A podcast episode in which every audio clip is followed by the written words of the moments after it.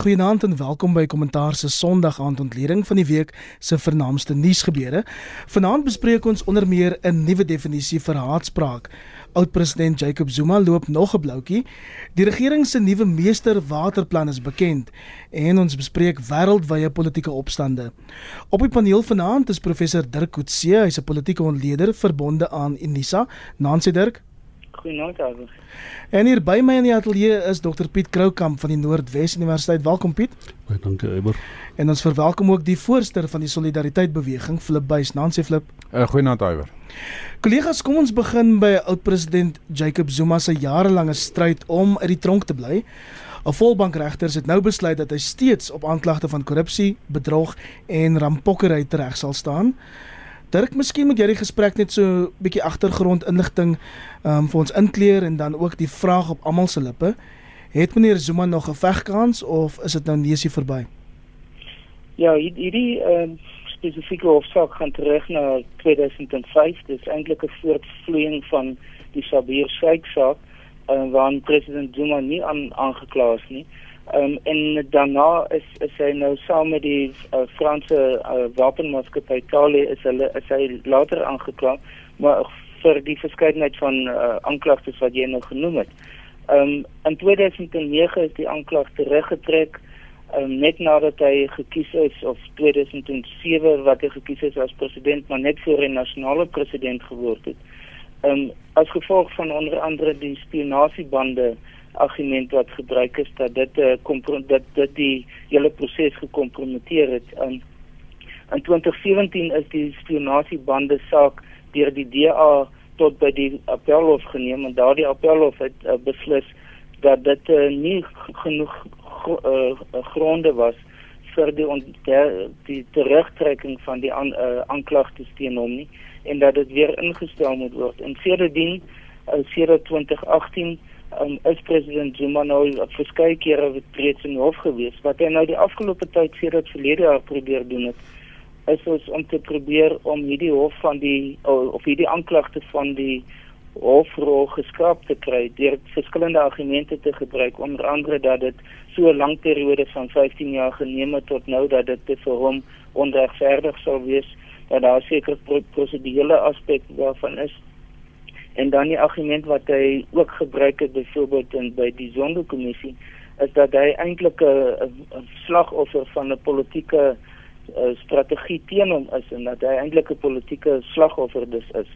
Um, wat ons nou gesien het um, is dat die uh, einde verlede maand dat die hof die van KwaZulu-Natal die hof daar uh, beslis het dat um, dit dit uh, dat hy nie slaag in daardie aansoek nie en toe het dit op op verlof op, op vir appel geneem wat ons nou gehoor het hierdie week dat die so die appel teen die uh, uitspraak van die provinsiale hof um, het dit misluk. En al wat nou oorbly is die moontlikheid dat hy kan die appel of selfs die konstitusionele hof direk kan nader.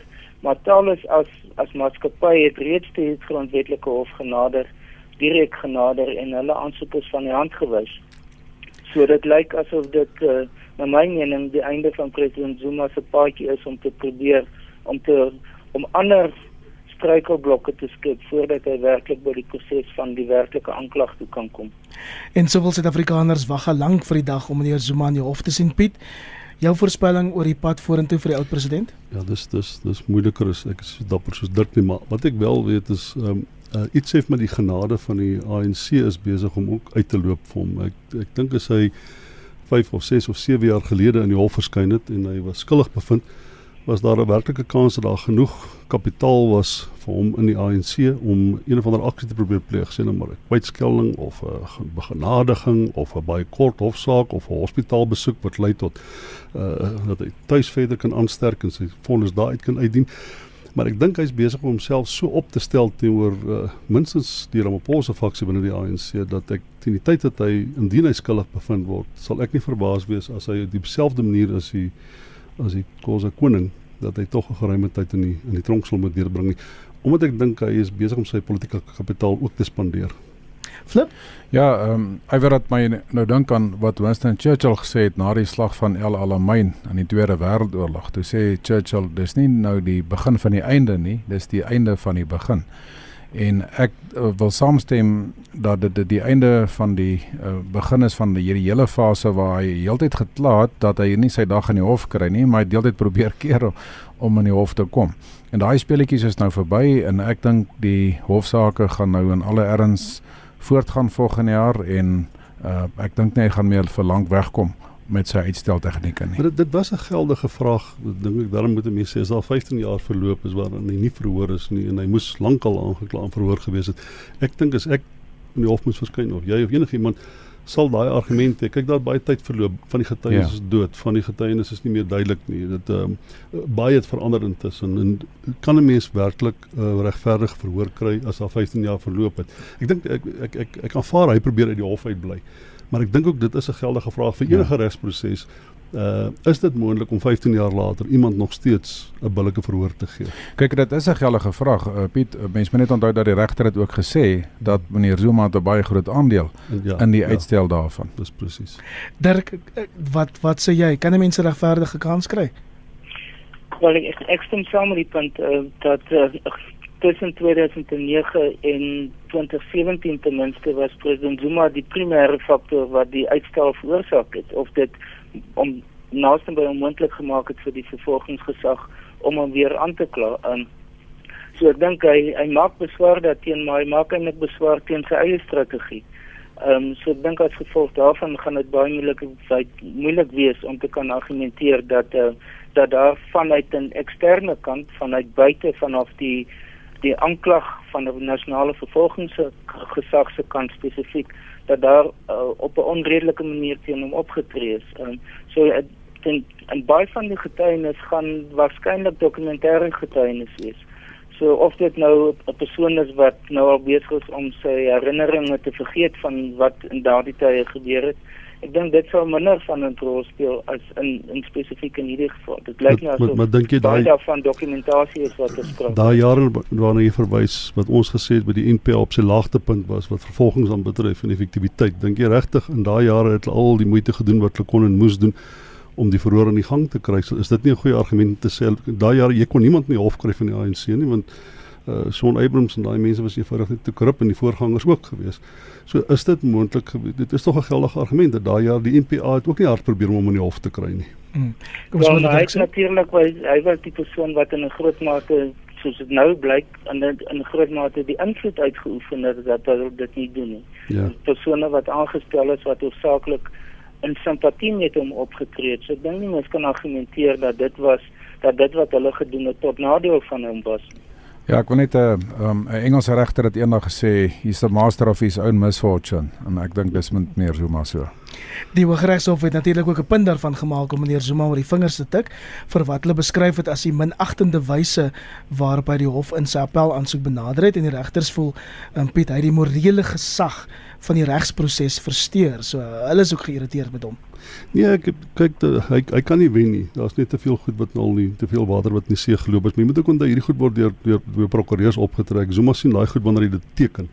Uh, dikwels uh, in die in die regsproses het jy baie min te weet te doen uh, met wat binne die dokumente staan. So ek ek dink hy moet miskien na sy regspan kyk. Die Dawid het hier goeie regspanne gehad het, is dalk ook nou verby. En Dirk as ek die proses reg verstaan het, um, meneer Zuma nou 21 dae om sy volgende skuif te maak.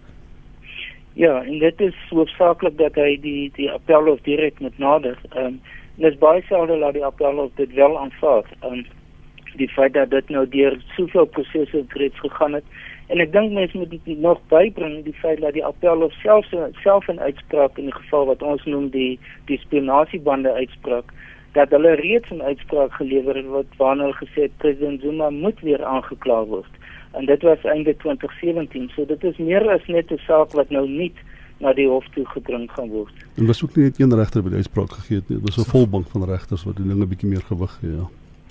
Wel ons hou dan die situasie dop meneer Zuma se volgende skuif en dit behoort dan net voor Kersfees bekend te wees. Ons bly by rigting rigtinggewende uitsprake van ehm um, howe en skuif nou die fokus na die appelhof se besluit om die tot nou toe omstrede definisie van haatspraak as ongrondwettig te verklaar. 'n aanmerking is voortaan net haatspraak as dit skade kan veroorsaak sowel as geweld aanstig. Ehm um, Dirk, ek gaan hierdie bal eers vir jou gooi. Voel jy gemakliker met die nuwe definisie? Dink jy dit vat die land vorentoe? Wel, ons kan sien hoe dit uiteindelik meer in die praktyk toegepas moet word. Op die oomblik is dit op die vlak van waar die waar die hof 'n sekere formulering voorstel. Dit moet nou aan die volgende 18 maande moet dit deur die parlement verwerk word en hulle moet hulle formulering dan dan uh, in 'n nuwe wetgewing in inbring en dan moet dit al dit terugneem na die grondwetlike hof toe sodat die hof dit kan sertifiseer dat dit in lyn is met hierdie uitspraak. So ek dink daar daar gaan nog baie gebeur uh sien die water in die see loop want dit gaan in as suits plaasvind gaan dit beteken dat daar ook openbare insette moet wees uh, want dis nuwe wetgewing wat ter sprake is of geamendeerde wetgewing so die publiek gaan by hierdie debat betrokke word en baie van die verskillende groeperings wat uh, spesifiek fokus op op hierdie tipe van uh sake. So ek dink dit dit gaan 'n openbare debat word en ek ek dink nie dit is waarskynlik na my mening die begin van 'n 'n nuwe proses rondom dit wat uh, wat baie sake aanspreek. Uh, nee, dit is nou John Golani was nou die die beginpunt hiervan oor uh oor gay persone, maar dit gaan sekere ander aspekte van uh wat ons wat dikwels in die nuus is veral wat grasse oor grasse aangeleenthede te maak het wat oor religieuse geleenthede aan te maak het. Dit alles gaan ter sprake kom. So ek dink dit gaan 'n 'n redelik intensiewe debat wees wat gaan gaan plaasvind hieroor Piet, wat is die praktiese implikasies van die uitspraak op hangende hoë profiel sake en ek wil vir jou twee uitlig. Die Menseregte Kommissie se saak teen Eben Etzebeth byvoorbeeld of solidariteit um, wat die BLF van haatspraak beskuldig omdat hulle die dood van 'n wit leerling in 'n brugtragedie by Hoërskool Driehoek verwelkom het. Ja, ek weet dit dit kan dit waar die uitspraak klaar plaasgevind het, weet ek nie of daar weer 'n behalwe daai saak in op appel gaan later. Maar uh, ek dink waar daardie sake wat dan nog nie finaliteit oor is nie, sal ek nie verbaas wees as daai sake eers op ys gehou word tot tyd en wyl die wetgewing verander het want jy kan iemand net in terme van uh wetgewing verhoor wat legitiem is in terme van die grondwet. En indien daardie wet uh dan nou nie korrespondeer met dit wat die grondwet se vereistes is in terme van die uitspraak van hierdie hof dan kan dan is daar nie eintlik 'n wet in terme waarvan jy kan meet of iemand uh, verkeerd of reg opgetree het nie. So ek sal nie verbaas wees as van hierdie sake dan nou op ys geplaas word tot tyd terwyl die wet behoorlik geskryf is nie. Flip stem jy saam met die uitspraak dat dit 'n deurbraak vir vryheid van sprake is, so sommige kommentators sê ek? Ja, ek stem saam daarmee. Dit is uh beteken in kort maar dat as iets kwetsend is, is dit noodwendig weet haatspraak nie. Maar ek wil hom net ook sê dit beteken nie mense kan nou net links en reg sê wat hulle wil en in mekaar net uh, weet beledig nie dat daar kan nog steeds ehm um, weet gevalle wees waar waar ernstige skendings van menswaardigheid weet 'n kriminelia is daar kan ook siviele sake wees so bly maar nog steeds by die goeie maniere waar wat jy by jou ma geleer het weet in kort dis dis jammer dat John Kwelani wat 'n tipiese diktatoriale afrikanistiese homofoob is dat hy eintlik hierdie grondverskuivende uh, uitspraak gekry het want mense sou graag iets wou gehad wat meer konstruktief was in terme van 'n van 'n politieke ervaring. Maar uh, hy hy sê dit was vryheid van spraak. Uh, daar is mense wat sê nee, dit eintlik niks met vryheid van spraak te doen nie. Dit uh, is ek dink soos wat soos wat flip nou aangedui het dat daar's baie goed wat jy nog steeds nie kan sê nie. Uh, maar wat die, ek dink die verbintenis tussen uh, uh sien maar uh, om iemand te offend wat se mooi Afrikaanse woord vir aanstoot gee. Aanstoot gee en dan die dreigement van geweld, uh aannutsing tot geweld daai kombinasie is ek dink by die hof steurend gevind het in die ja. interpretasie daarvan. Ja, kyk dit gaan ja, gaan voort. Nee, dit gaan in beginsel maar daaroor die ou bekende stelling van om te sê dat ek verskil met jou, maar ek sal jou reg om van my te verskil, weet, sal ek verdedig. Maar ehm um, dit uh weet jy kan nie nou byvoorbeeld in 'n in 'n groot gebou vol mense skree weet daar's 'n brand nie en daar kry mense seer en so en dan gaan jy baie beslis nog steeds in baie groot moeilikheid wees. Uh so ek stem saam met Piet daar dat dit dit moet uh, regtig hierdie goed moet uh, weet mens moenie laat mense nou dink hulle kan sê wat hulle wil mekaar beledig en uh, weet polariseer en en dink daar kan nie geen gevolge wees en daar kan miskien ander gevolge wees. Maar, maar nou die, begin nou is vryheid van spraak belangrik. As jy nou die K-woord gebruik, is dit haatspraak of is dit vryheid van spraak? Wat is dit nou flip dink jy? Ver, verander enigiets in terme van hierdie uitspraak nou? Ja, mense moet maar sien, maar ek ek dink dit sal waarskynlik 'n uh, kriminelia wees, nee. Ja, want dis nou nie aanhitsing tot geweld nie. Verstaan jy? So is ja. dit nou haatspraak of is dit nie haatspraak nie? Kom ons kom ons hoor of Dirk 'n mening daaroor het? Ja, dit is baie moeilik om te sê presies wat wat in regterme dit gaan beteken, maar ek dink criminal jury is waarskynlik die mees voorhand liggende wat en wat sal besprake wees. Um, ek dink wat mense ook gaan uiteindelik moet sê is, is dis nie wat ons nou wat die besprake is gaan nie oor die wat eintlik wat ek miskien moet mense dit anders omstel. In die verlede het was die een van die die kriteria vir raadspraak is dat dit nie net op die persoon, die individu gemik is nie, maar dat dit op 'n groep van toepassing moet wees. En dit is hoekom sommige uitsprake soos byvoorbeeld oor uh, Julius Malema um, is is uitgegooi omdat hulle gesê het wel dit het nie te maak met 'n spesifieke groep waarna hy verwys nie. So as dit gaan oor die individu dan dink ek criminal injury is waarskynlik die die mees voorhand liggende want dit dit, dit daar is die individu definitief te sprake.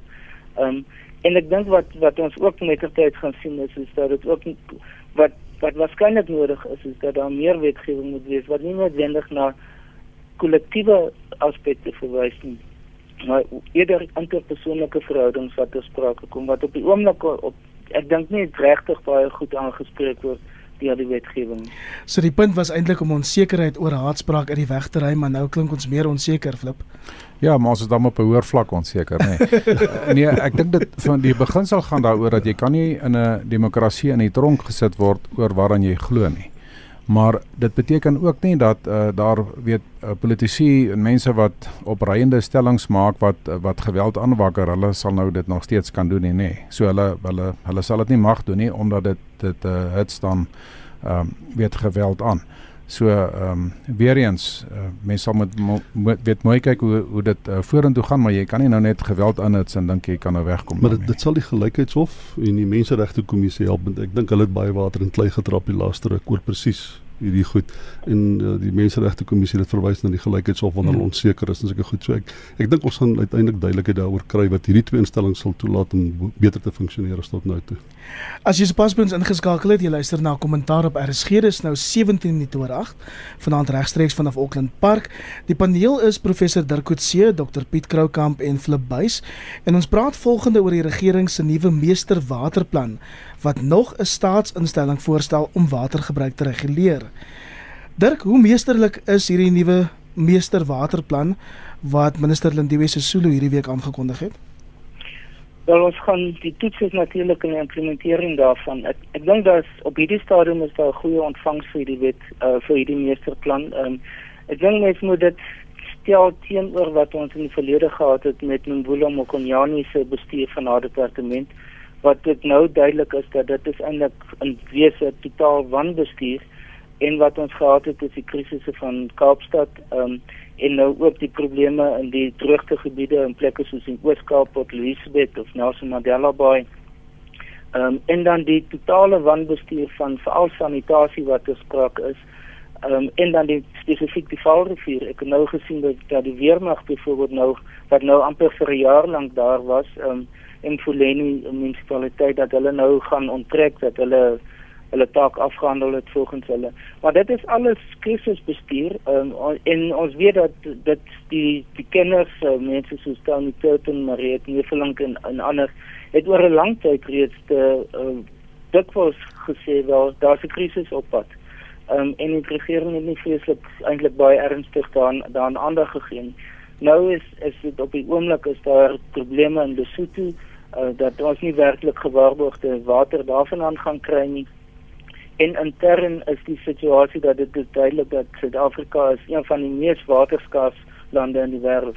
So daar is 'n plan nodig. Dit is en wat dink die filosofie wat nou besig is om deur te kom is om te kyk na water nie meer as 'n as 'n verbruikersitem wat een keer gebruik word nie, maar eerder na water wat binne 'n siklus moet kom en weer en weer hmm. hergebruik moet word.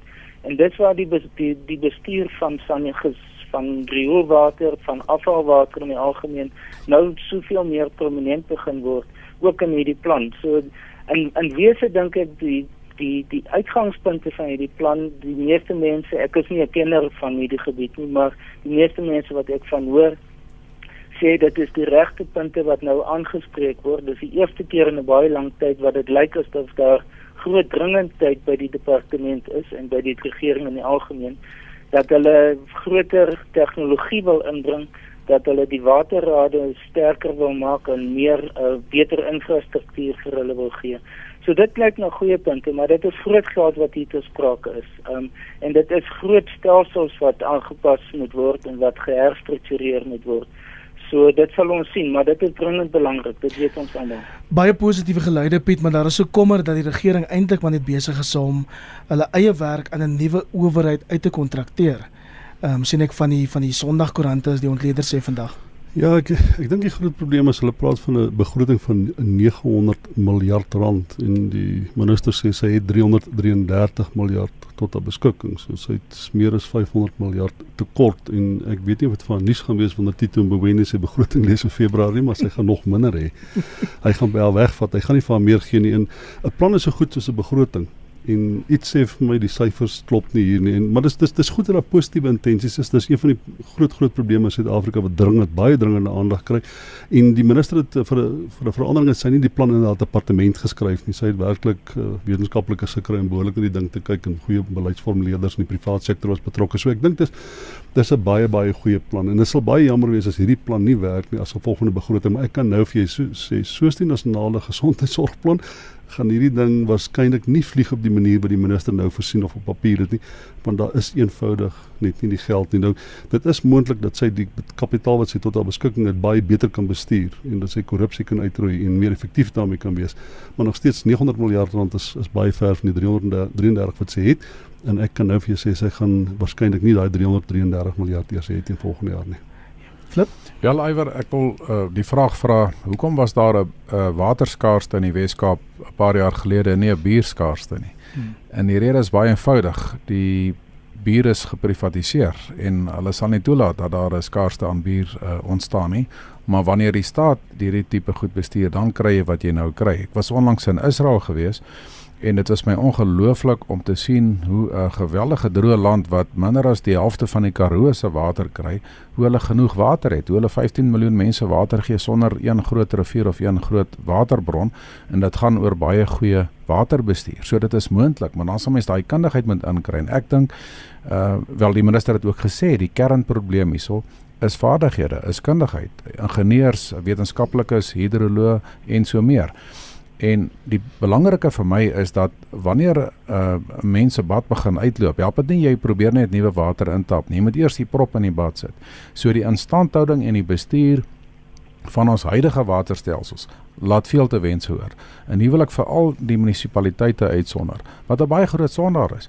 Baie groot maatskappye sukkel om sake te doen, klein sake lui sukkel, inwoners van dorpe sukkel omdat die munisipale waterbestuur so vrot is. So dit moet in die eerste plek reg kom voordat hierdie plan sal werk. Dit jy kan die wonderlikste plan hê, maar as die minister nie bereid gaan wees om topkundiges op elke vlak van bo tot onder waar die persoon moet uh wees wat die pipe moet in stand hou by die staatsraad nie. En dit is wat ons groot probleem is. Daar gaan baie water gaan daar verlore wat uh dit help nie jy tap in. Jy moet eers die prop in die bad sit. Dirk net oor die pad vorentoe, 'n uh, openbare deelname proses oor hierdie beoogde veranderinge word dan nou vir volgende jaar beplan, is ek reg?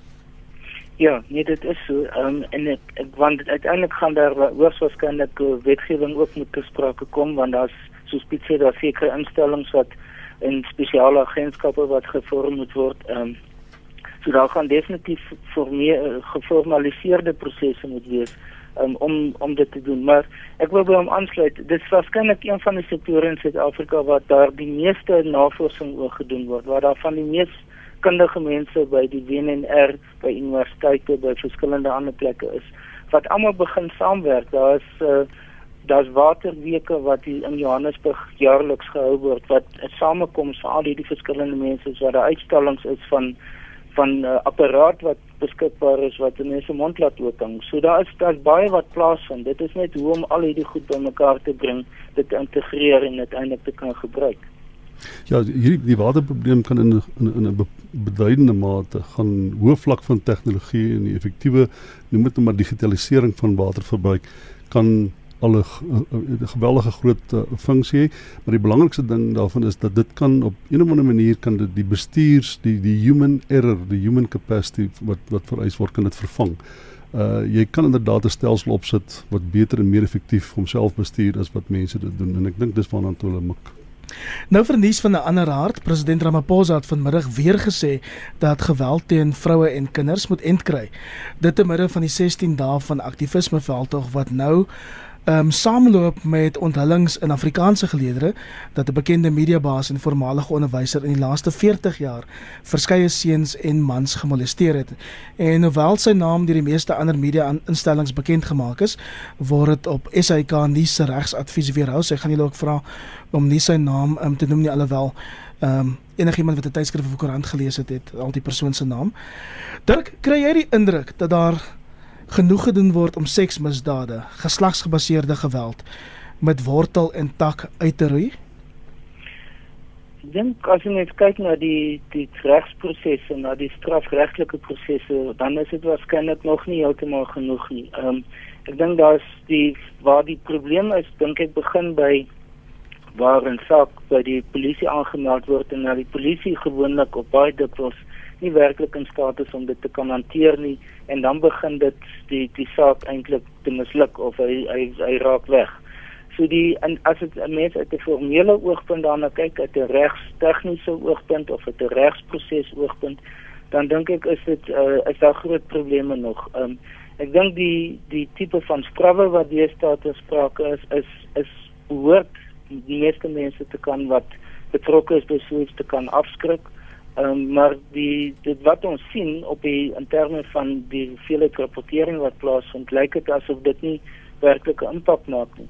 Die meeste mense wat in hierdie veld nou spesialiseer sê dat dit in die eerste instansie nie daaroor gaan nie, dat dit gaan oor die sosialisering binne families, dat dit gaan oor die die geslagsrolverdeling binne families en dat dat dit is waar die probleem is, dat dit dit gaan oor veral jong seuns en mans uh hulle hulle hulle, hulle self sien binne die gemeenskap op die oomblik.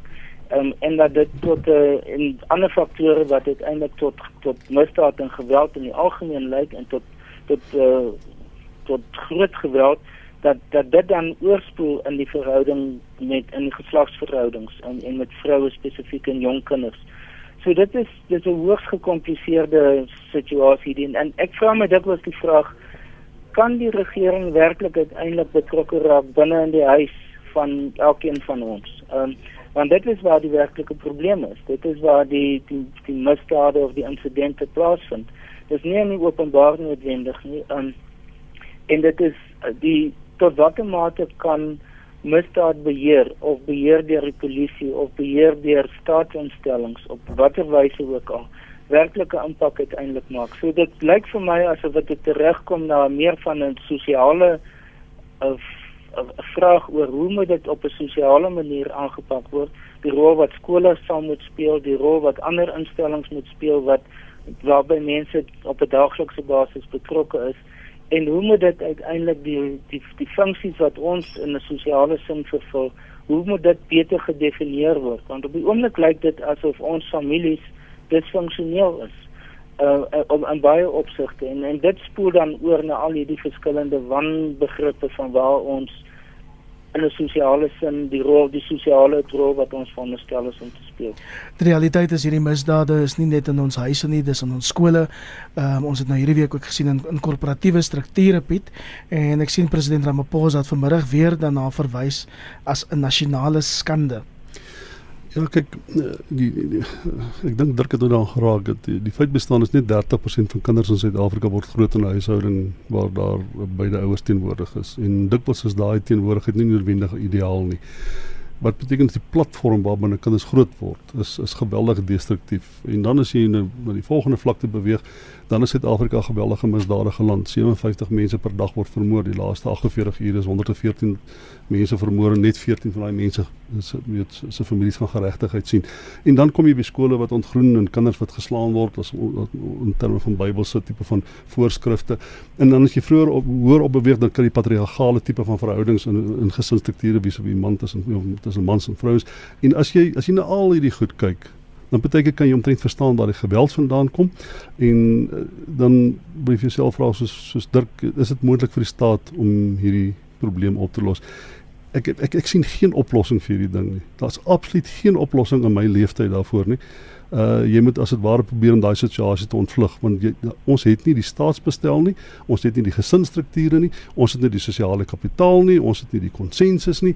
Uh, ons is 'n geweldige destruktiewe klomp mense. We we nasty bunch of people. En ek sien werklik nie 'n vooruitsig om hierdie probleem van gesinsgeweld, uh, intergeslagsgeweld, uh geweld tussen groot mense en kinders. Ek sien nie 'n manier hoe ons dit in my lewenstyd gaan oplos en ek het gelukkig nog net 'n paar jaartjies oor. Piet jy lyk dan nog vir my baie gesond vanaand, hoor. Ehm um, ek wil net praat oor die strafregstelsel. Die, die president het mm. onlangs 'n paar keer gesê dat daar moet swaarder strawwe opgelê word. Nou die feit van die saak is ehm um, ek dink prof Dirk is heeltemal reg dat die strafregstelsel is deel van die probleem en nie deel van die oplossing nie. Dit het hy geïmpliseer. Wat ek daardeur bedoel is dat mense word nie noodwendig afgeskrik om te dink weet jy wat ek gaan nou voor ek geweld pleeg jong ek gaan dit eerder nie doen nie want ek gaan nou 15 jaar kry in plaas van 12 jaar. Hy, mense word afgeskrik daai tipe profiel ou wat hierdie misdade pleeg deur die sekerheid dat hy of sy gevang gaan word en in die tronk gaan land.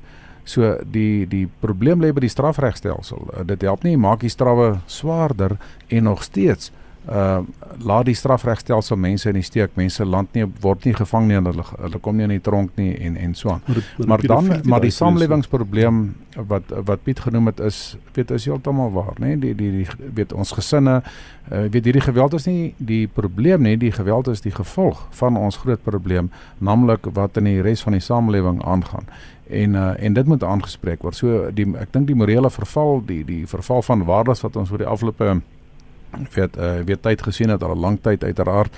Uh jy weet dit moet aangespreek word. Daar is nie oornag oplossing vir hierdie ding. Maar ons moet ook nie praat as dit een enkele probleem is wat wat 'n duidelike grens het. Byvoorbeeld die geval waarna jy verwys, soos pedofilie byvoorbeeld.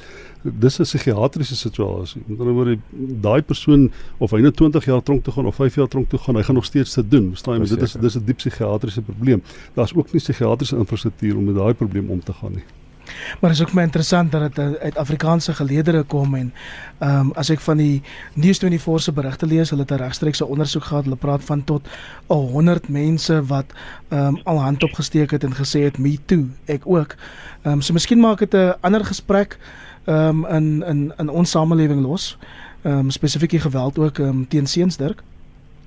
Ja, dit dit is so en ek, ek dink dit is dis dit bring 'n ekstra dimensie by en dit is dat dit nie net gaan oor ehm um, wat in die townships gebeur of wat wat in in die middestad van Johannesburg of Pretoria waar ook al gebeur nie, maar dit is ook dat dit in middelklas samelewing uh, gemeenskappe kan gebeur. So dit is definitief nie iets wat uh, te maak het met net met byvoorbeeld armoede of met 'n sosiale status of of so, of iets soortgelyks van dit nie en ek dink wat dit wat dit die, die les of die betekenis daarvan is is dat dit is niemand kan homself on, verontskuldig daarvan nie. Ehm um, almal van ons het dis 'n verantwoordelikheid om te sê dis iets waarin ander gegee moet word. Dis iets wat binne ons eie konteks wat aangespreek moet word. Ehm um, en, en en as gevolg daarvan dink ek is dit 'n uh, dit dit is letterlik 'n nasionale probleem wat vir almal te sprake is en waarvan niemand niemand eintlik kan wegloop nie. En daai daar was op 'n stadium was al, ek weet nie of die wetgewing nog steeds so is nie wanneer sê net maar Jan slaan en vir Sunny. Nou kom die polisie daar sê nee dis 'n huishoudelike probleem. Hmm. I mean daai definisie dan word verander van geweld en aanranding na 'n huishoudelike probleem toe. Ek weet nie of daai wet intussen herskryf is nie. Kyk ek dink uh weet uh, wat Piet sê is waar daar's baie baie oorsake hiervan. Maar uh, een van die probleme was ook vroeër die afskaffing van byvoorbeeld spesialis eenhede soos die kinderbeskermingseenheid en so aan wat er, mense wat regtig wonderlike werk gedoen het en wat uh, wat dan afgeskaf is. So uh, ek weet polisieering is nie die enigste oplossing hiervoor nie, maar dit is baie beslis 'n deel van die oplossing hiervoor. Maar wat jy graag wil hoor en ek dink uh, as ons as as 'n gemeenskap kollektief daarvoor verantwoordelikheid neem. Met ander woorde, as ek weet Jan mishandel sy vrou, dan maak ek 'n openbare spektakel daarvan. Jan is bang ek stigmatiseer hom. Hy wil nie ek moet daarvan uitvind nie. As daai tipe van bewussyn staan van dis 'n nou-nou in die samelewing waarin ek leef, miskien sal dit ja. op 'n of ander manier mense se gedrag 'n bietjie kalibreer maar ek dink die probleem is bietjie groter as dit, maar dis moontlik. En ek hoop dat korporatiewe strukture ook sal hand in eie boesem steek want daar's wêreldwyd genoeg bewyse dat weet kantooropsette is dis is 'n teelaarde vir vir hierdie soort persoonlikhede wat gewoonlik in die werkplek um, um, presteer. Ja, snakes in suits. Ja. Dis presies wat dit is. Voor ons begin groet op kommentaar, daar is wêreldwye betogings teen politieke leiers van Libanon, Irak en Chili tot Hong Kong. Dirk, ek wonder of 'n mens parallelle tussen al hierdie betogings kan kan trek. 'n Mens kan omtrent nie byhou waar daar opstand in die wêreld is nie. Is dit moontlik 'n tendens teen neoliberalisme? Ek dink wat ons nou begin sien en dit is 'n lang lys. Ehm um, die jongste is nou Chili, dit is Irak, Iran, Libanon, Algerië vandag, Sudan vroeër met Al-Bashir wat uh, wat moes bedank. Ehm um, dat wat wat mense daar is dis natuurlik nie identiese situasies nie, maar baie van die faktore wat hier te sprake is gaan oor dat dit is betogings teen korrupsie, dit is betogings teen 'n elite wat homself begin isoleer van die gemeenskap in die algemeen dis probleme as gevolg van van ekonomiese bestuur wat daar plaasvind. Dit is die soos in Frankryk byvoorbeeld met daai geel oorbaadjies betogings um teen die hoë lewenskoste wat wat aan die ontwikkel is daar. Um, in Chili is dit as of in Iran is dit as gevolg van ironies genoeg die hoë petrolkoste, petrolpryse wat ons nou moet betaal. So alles wat wat ons die verskillende elemente wat 'n mens van hoor kom daar neer dat die lewenskwaliteit van daai van hierdie uh, gemeenskappe ehm uh, begin vir hulle onaanvaarbaar word. Die druk op hulle die die uh die hoër uh, werkloosheid wat gespreek is. Dis alles goed wat resoneer met ons in Suid-Afrika, maar dit begin internasionale tendense word. En ek dink wat mense begin sê wat hier's een of ander probleem met die ekonomie. Daar's een of ander probleem nie met plaaslike nasionale ekonomie nie, maar met die groter stelsel want dit is so wyd versprei. Dit is nie geïsoleer in een of twee lande nie. Dit is nie geïsoleer net in ontwikkelende lande nie, maar dit is ook nou baie in ontwikkelde lande waar ons hierdie tipe van probleme sien. So dit is dit dit bring die vraag na ons toe van is die die internasionale ekonomiese bedeling waarmee ons werk en waar Suid-Afrika baie geïntegreer is in, um, is dit deel van die probleem? Is dit die die uitgangspunte, die die essensiële uh kernelemente daarvan is dit nie begin dit nie problematies word nie dat dit begin oorspoel van een land na die ander land. En ek dink wat ons my gevolgtrekking is dat dit wel die geval is dat die die bedeling wat in die Reagan Thatcher periode tot stand gekom het en versprei reg oor die wêreld dat ons miskien nou die vrugte daarvan begin pluk van groter isolering die top 1% in die wêreld is verskriklik ryk maar 'n groot persentasie van die res van ons word meer en meer gepolariseer. Die middelklas word kleiner in baie lande. Um, en dit veroorsaak hierdie tipe van demonstrasies uiteindelik. Piet, ja, ek dink die ehm um, uh, ek ek wonder baie keer dan met een van 'n ding wees wat 'n kollektiewe bewussyn stook met histories gesproke mense wat verarm is en wat uitgesluit was, het passief opgetree omdat hulle nie werklik ehm um, daar was nie die infrastruktuur om momentum te gee aan wat hulle ook al ervaar nie. Maar ek dink met die internet en sosiale media, daar's net 'n groter noem dit maar uh, interconnectedness tussen mense in die wêreld, 'n groter bewussyn daarvan. En daar's verskillende manifestasies. Dirk het net daaraan geraak uh, in Amerika as Donald Trump ingestem as gevolg van die verval van die middelklas. Die middelklas in Amerika het sedert 2011 het hulle demografiese dividend niks verbeter nie. In China is die middelklas onder geweldige druk in Frankryk dit was 'n middelklas manifestasie wat ons daar gesien het. So middelklas samelewings begin as gevolg van hierdie kollektiewe bewussyn wat deur 'n tipe van 'n elektroniese infrastruktuur geskep word, maar toenemend elke tweede mens in die wêreld het 'n selfoon en is bewus van wat om hom aangaan. En ek dink hierdie groter bewussyn is is ten minste ten dele besig om om om om deel te word van hoe mense politiek bedryf. Eh, ek wil nog twee faktore noem. Die een is die moderne staat is onder druk van bo af uh, en van onder af van bo af deur globalisering en van onder af deur privatisering, deur tegnologie, deur gemeenskappe wat vir hulle self wil besluit en so meer. So die moderne staat is onder druk en die moderne staat het soveel beloftes aan mense gemaak wat hulle nie meer kan nakom nie. So die politiek het uh, beloftes geskep en verwagtinge geskep waaraan die ekonomie nie kan voldoen nie. Gewone mense voel hoorie sommer die elites sorg net vir hulle self en dit gaan met ons swaar. Die ander ding wat ek wil noem is my baie interessante verskynsel dat jy kry 'n uh, uh, klomp dele van die wêreld veral in die weste kry jy groot klimaatbetogings uh, noem dit maar breedweg van die linkerkant af en dan kry jy weer aan die ander kant net sulke groot betogings as onlangs gesien Duitsland, Nederland, Frankryk en so aan uh, van die boere af van mense wat sê maar wag so 'n bietjie julle uh, maak die klimaatding nou so vol wette vir ons dat ons kan nie meer leef nie en dan dit weet voedselsekerheidsingedrang. So ehm um, dit is dit kry ook politieke uh, weet ondertone. Dis dan waar ons vanaand gaan met haltroep hier op kommentaar tyd het ons ingehaal. Baie dankie vir 'n lekker gesprek professor Dirk Coetzee van die Nuus aan Nancy Dirk. Goeienaand Alves en uh, Piet en ek Frik. Dr Piet Kroukamp van die Noordwes Universiteit altyd te voorreg. Cheers Karels, cheers Dirk. Lekker om jou ook weer hier te flipbuis van die solidariteit beweging. Dankie Iver. Van my Iver Price, mooi week verder.